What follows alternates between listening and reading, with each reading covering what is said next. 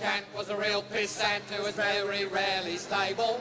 Heidegger, Heidegger was a boozy beggar who could drink you under the table. David Hume could outconsume Schopenhauer and Hegel. And Wittgenstein was a beery swine who was just as sloshed as Schlegel. There's nothing Nietzsche couldn't teach about Hallo, leuk dat je weer luistert naar de podcast van Felix en Sophie. De komende editie zal gaan over seksuele vrijheid. En op het eerste gezicht lijkt dat thema misschien niet meer zo relevant. We zouden toch inmiddels wel seksueel geliberaliseerd moeten zijn. Er is overal naakt op straat. Er zijn inmiddels meer dan 15 genderaanduidingen. En met programma's als Spuiten en Slikken en websites als Oh My God Yes viert seks ook in de media hoogtij. Maar het beeld van moderne omgang met seksualiteit is niet alleen maar positief. En met name het digitale aspect hiervan kent belangrijke keerzijdes. Zo heeft het internet verschillende vormen van seksueel pestgedrag voortgebracht, zoals het zonder toestemming verspreiden van naaktfoto's en seksvideo's met exen uit wraak. En hoewel er steeds meer genders bijkomen, voelt nog niet iedereen zich senang bij zijn eigen geaardheid en hokje of bij die van anderen. Een belangrijke filosoof die van het ontwaren van ma- machtsstructuur rondom seksualiteit een van zijn levenswerk heeft gemaakt, is Michel Foucault. Hij stelde in de jaren 80 dat de teleurgang van seksuele vrijheid al lang in gang was gezet door redenen die in deze aflevering aan bod zullen komen. In hoog aanzien stond bij hem de omgang met seks bij de oude Grieken, die meer bedreven waren in de kunst van de erotiek. En hoewel je kunt betwijfelen in hoeverre seksualiteit bij de oude Grieken nou echt zo vrij was, immers was ook homoseksuele omgang gekoppeld aan strikte regelgeving, is het werk van Foucault vandaag de dag nog steeds relevant. In deze podcast bespreek ik met Felix en Sophie redactieleden Sophie van Balen en Linde van Schuppen wat de relatie is tussen seks en macht en hoe het is gesteld met de ontwikkeling van intimiteit. Foucault heeft een belangrijk werk geschreven in de jaren 80, zijn geschiedenis van de seksualiteit. Daarin heeft hij beargumenteerd dat we niet seksueel bevrijd zijn, zoals we denken dat we zijn, omdat we met iedereen seks mogen hebben en uh, uh, het homohuwelijk toestaan en dergelijke.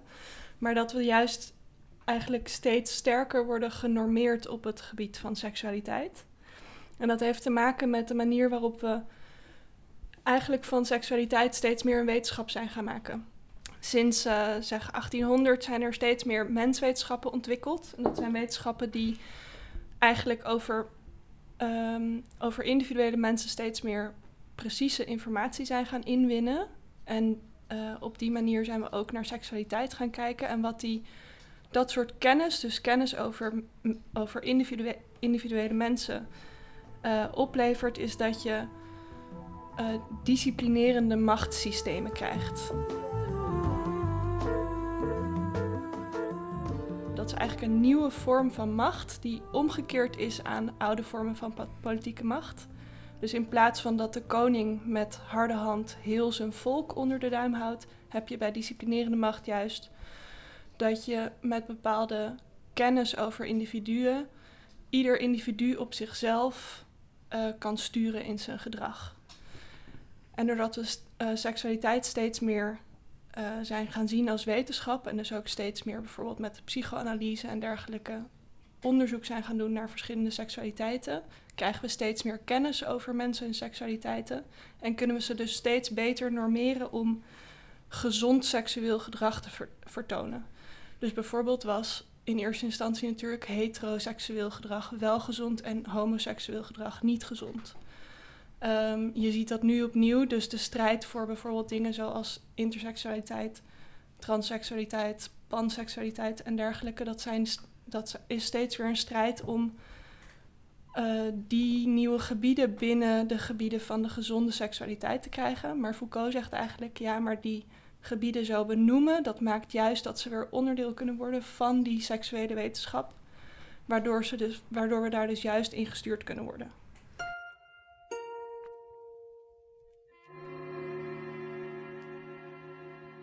Wat voor soort kennis is dat dan? Is dat medische kennis of wetenschappelijke kennis? En waarom is het zo dat als aan de ene kant dat soort kennis ervoor zorgt uh, dat er gekwalificeerd wordt in raar en vreemd versus normaal, dat op het moment dat eh, mensen met seksuali- bepaalde seksualiteiten vechten om, om normaal gevonden te worden voor erkenning of zo, dat dat dan ook eh, door die kennis gestuurd wordt. Nou, het is eigenlijk dus eh, echt eh, Foucault's key uitspraak is kennis is macht. Die kent Mhm. bijna iedereen.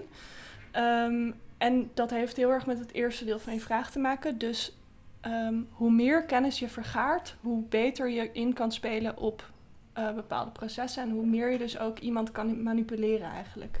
Wat ik ook wel interessant vond, is hij stelt dat tegenover Ars Erotica, hoe het naar zijn idee daarvoor was. Ehm, en dat was meer het plezier vergroten in plaats van het te labelen. Ja. Waarom zijn die twee dingen tegengesteld aan elkaar? Ja, dus Foucault gaat altijd terug naar de oude Grieken.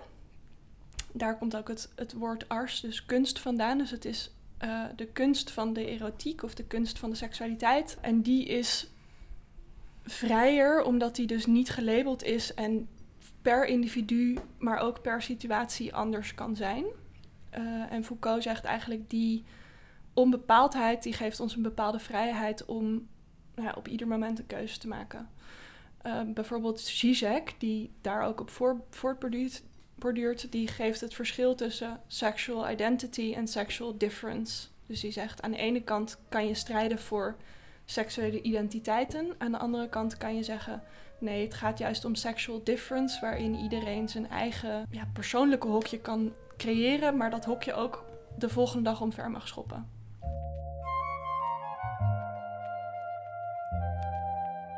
Maar dan vraag ik me wel af, als we het nu even zo framen dat jij Foucault bent.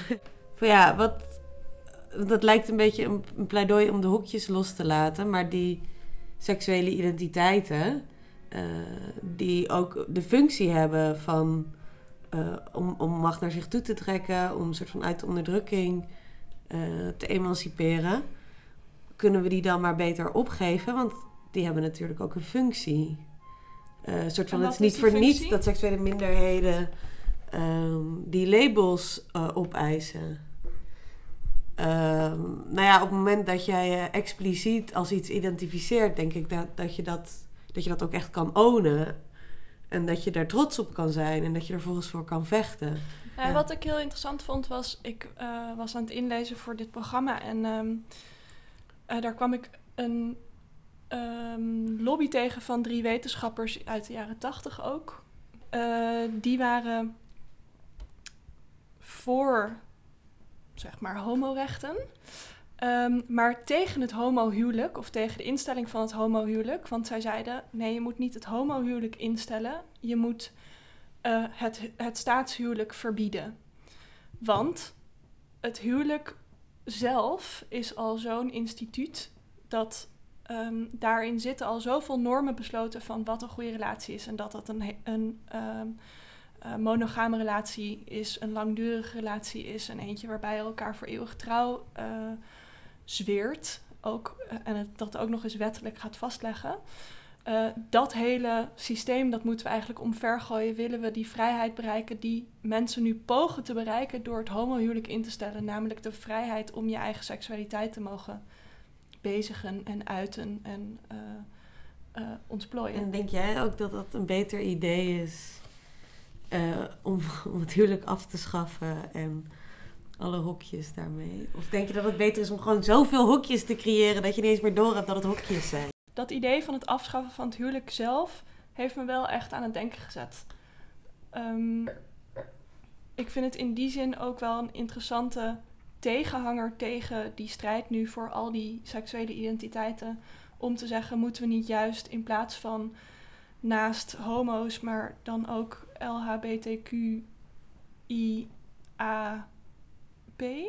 Moeten we in plaats van steeds een letter toevoegen, niet zeggen laten we die letters lekker laten gaan.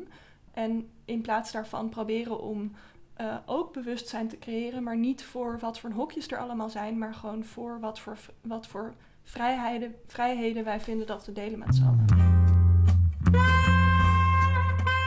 Seksuele identiteit eh, hoorde ik al een paar keer vallen. Ehm, dat wordt vaak gekoppeld aan ja, geaardheid. En ehm, Maar is dat het enige wat het is? Of is het ook bijvoorbeeld uh, hoe je je opstelt in bed? Of juist hoe je je überhaupt gedraagt waarin iets van jouw seksualiteit doorschemert? Wat, wat, wat bevat seksuele identiteit? Ik denk al die dingen die je nu net noemt. Ja. Nee, en de kaders die we nu creëren zijn heel erg gefocust op geaardheid. Hè, er is geen um, uh, hokje uh, masochist of iemand die juist van, ja, weet ik het, wat voor fetish heeft of iets dergelijks. Die hokjes die hebben we niet in dit rijtje staan. Ja, maar ik vind het wel interessant, want ik heb namelijk wel het idee dat zoiets pas deel van je seksuele identiteit wordt als je het ook daadwerkelijk op die manier claimt. Ik denk dat op het moment dat je eigenlijk gewoon lekker je perverse zelf bent en nooit over nadenkt of dat nou raar is of niet. Uh, en de noodzaak er dus niet is om die identiteit te claimen, vraag ik me af of het ook een seksuele identiteit is. Maar het is toch zo, zo zolang je een norm hebt van heteroseksualiteit, van, van cis-mannen en vrouwen die hetero zijn, heb je al die andere dingen nodig om je daar tegenaf te zetten. Nou, en dat vind ik dus zo interessant aan dat idee van het huwelijk afschaffen. Ja. Want dat zegt eigenlijk, dat zegt eigenlijk hetzelfde hier, of dat werkt hetzelfde hierbij, namelijk dan zou je het liefst als eerste nog het hokje, hokje heteroseksualiteit willen openbreken. Wat ik me ook wel afvraag is, um, we leven in een tijdperk van het internet, van um, er wordt ook vaak gezegd dat we juist in een heel hedonistisch tijdperk leven, waarin alles draait om genot en snelle prikkels. Het zou zo kunnen zijn dat we er misschien meer op zijn gericht om aan de hand van allerlei mogelijke middelen ons eigen seksuele genot te vergroten, maar dat we misschien iets minder gericht zijn op um, hoe dat per se met een partner te doen. Dus in dat verband zou je kunnen zeggen, het is heel erg gericht op seksuele behoeftes, maar misschien minder op die intimiteit. Dat kan zeker. Het is zelfs zo dat er nu best wel veel onderzoek wordt gedaan naar dat de generatie die nu opgroeit uh, echt problemen lijkt te hebben met intermens intermenselijke intimiteit. Omdat ze dus dusdanig opgroeien met um, beeldschermen dat uh, de leeftijd waarop mensen eerste seksuele stappen zetten, ja. um, dus steeds later wordt ik denk, denk allereerst niet dat we per se heel veel seksueel vrijer zijn geworden. Er zijn wel, ik denk wel dat er een bepaalde seksuele norm is waar we mee, meer mee geconfronteerd worden. Uh, en wat porno betreft, ik denk ook niet dat het per se slecht is voor je seksleven om heel veel porno te kijken. Totaal of voor de manier hoe je met elkaar omgaat. Maar ik denk dat het misschien wel uitmaakt uh, wat voor porno je kijkt. Nou ja, en misschien ook al wat je ziet in porno. Ik bedoel, seksualiteit hangt natuurlijk heel sterk samen ook met, met lichamelijkheid. En ik denk dat de, de lichaamsbeelden die we voorgeschoteld krijgen in mainstream uh, films, maar ook in mainstream porno, ook, ook nog eens heel erg normerend zijn. Ja, dat denk ik ook. En ik denk dat het ook dat het wel eens, om even een beetje te speculeren, dat het ook best wel mogelijk is dat het zorgt voor een bepaald zelfbewustzijn. Um, en zelfbewustzijn zorgt weer... Ja, dat, dat vind ik altijd een beetje in strijd met seks en intimiteit. Dus ik geloof dat Merleau-Ponty uh, in slaap vallen en seks als twee voorbeelden noemde... waarbij je juist... Um, ja, waarbij je ervaringen in je lichaam juist even samen lijken te vallen. En je helemaal... En op het moment dat je weer een soort van reflexief bewustzijn erbij gaat halen... omdat je onzeker bent over iets... of omdat je van jongs af aan is verteld van dit is hoe je seks zou moeten hebben of dit is waarom seks wel of niet belangrijk is. En, um, dan denk ik wel dat dat niet per se heel goed is voor je. Maar hebben, hebben jullie niet het idee qua. Ik denk dat in een samenleving die heel rigide, bijvoorbeeld christelijk is, dat er heel duidelijke ideeën bestaan over wat seksualiteit is en zou mogen zijn. En ik heb het idee dat dat nu juist heel los is. Ik zou niet willen stellen dat het voor iedereen geldt natuurlijk. Maar als ik in mijn omgeving kijk, dan denk ik dat, dat er eerder gezocht wordt naar hoe moet je je seksueel opstellen. Dan, dan dat daar hele strakke richtlijnen voor zijn. Wat ik daarin nog wel interessant vond aan het boek van Daan Borrel, dus een van de gasten uh, dinsdag, is dat zij eigenlijk zoekt of ze zegt eigenlijk, we verbinden seksualiteit heel sterk aan seks op dit moment. Uh, namelijk, seksualiteit heeft altijd met seksuele handelingen of seksuele verlangens te maken. Terwijl je zou seksualiteit ook veel breder op kunnen vatten. En dan kom je bijvoorbeeld bij een vergelijking met slapen, zoals Merleau-Ponty maakt. Maar ook, zij vraagt zich bijvoorbeeld af: wat heeft, um, wat heeft meer met seksualiteit te maken? Zoenen of lachen?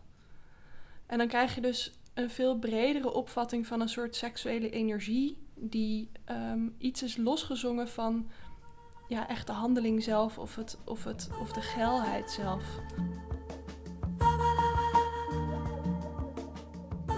Het is wel toegestaan dat je praat over seksualiteit, ook in, op tv of zoiets. Of het, valt me vaker op dat je eigenlijk niet kan zeggen, daar word ik geil van. Oh, ik voel me opgewonden daarover. Het is echt iets waar nog steeds best wel een groot taboe op ligt. Hoe je, hoe je fysiek reageert op seksualiteit. Ik zat toevallig heel erg na te denken over grenzen. Ook naar aanleiding van het artikel van Janna van Gunsven. Um, en ik zat heel erg na te denken, want ik ben ook bezig voor mijn eigen onderzoek om te kijken naar ontwikkelingspsychologie. En dan vooral wanneer kleine kinderen voor het eerst bijvoorbeeld een gevoel voor zelf krijgen. Of het idee van ik ben een zelf los van de omgeving. Dus lichaamsgrenzen. Wanneer je doorhebt dat als je uh, dus inderdaad, volgens mij, er is ook fenomenologie over geschreven, volgens mij ook Husserl, over als je je eigen handen aanraakt, dat je tegelijkertijd aanraakt en aangeraakt wordt. De manier, um, en zo je eigen lichaamsgrenzen leert kennen. En ook gewoon grenzen in hoe ver je iemand uh, wil laten gaan. En ik denk dat dat heel een heel moeilijke worsteling is eigenlijk door iedereen's hele leven heen. Om je grenzen te bepalen. En dan heb ik het niet alleen over huid inderdaad, maar ook gewoon hoe, hoe intiem mag iemand met jou zijn en wanneer wordt het invasief, wanneer ga je over je eigen grenzen heen. Ehm, en ik denk dat eigenlijk intimiteit en seksualiteit ook misschien een gevoelig onderwerp zijn, omdat die grenzen zo bepalend zijn, omdat seks iets is wat per definitie ook gaat over het nemen van risico's en een bepaalde kwetsbaarheid. Ehm, en dat is ook gewoon super gevoelig. Dus aan de ene kant is het natuurlijk ook wel preutsheid dat het de boeder is.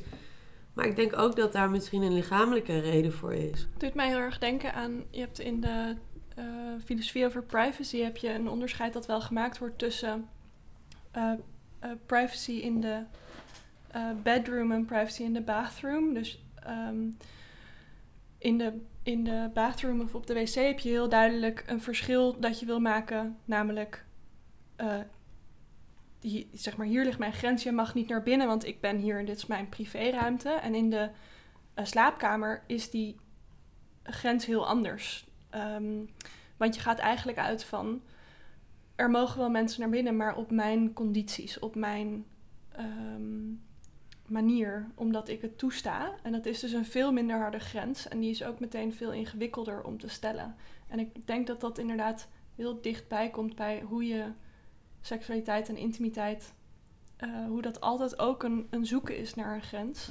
Ja, maar ik denk ook dat er heel vaak, want om het dan weer te koppelen aan macht, ook wel vaak heel, heel erg mis, misbruik wordt gemaakt van die kwetsbaarheid. Dus het is. um, omdat er ook inderdaad weer die normativerende machtsstructuren in zitten. Um, het is gewoon heel pijnlijk als iemand je, je laat schamen over je seksualiteit, omdat het zo dicht op de huid ligt. Mm. Letterlijk en figuurlijk. Uh, dus het wordt heel erg ingezet als machtsmiddel om mensen uh, te pakken waar het het meest pijn doet. En ik denk daarom dat het wel heel belangrijk is om die grenzen echt voor jezelf te kennen en aan te geven. En uh, ook dat die grenzen echt gerespecteerd worden. En zo zijn we weer teruggekomen bij macht. Een begrip dat onlosmakelijk verbonden lijkt te zijn aan seks. Over de relatie tussen deze twee kan je nog veel meer horen tijdens de komende editie van Felix en Sophie. Hier komt hoogleraar publieksfilosofie en voormalig denker des vaderlands Marley Huijer een kritische blik werpen op de vermenigvuldiging van seksuele identiteiten. Literatuurwetenschapper en journaliste Daan Borrel vraagt zich af wat het begrip seksualiteit behelst. En filosoof Janne van Gunsven gaat in op de relatie tussen het lichamelijke bewustzijn in seks en hoe zich dit vertaalt naar seksrobots. Tot dan!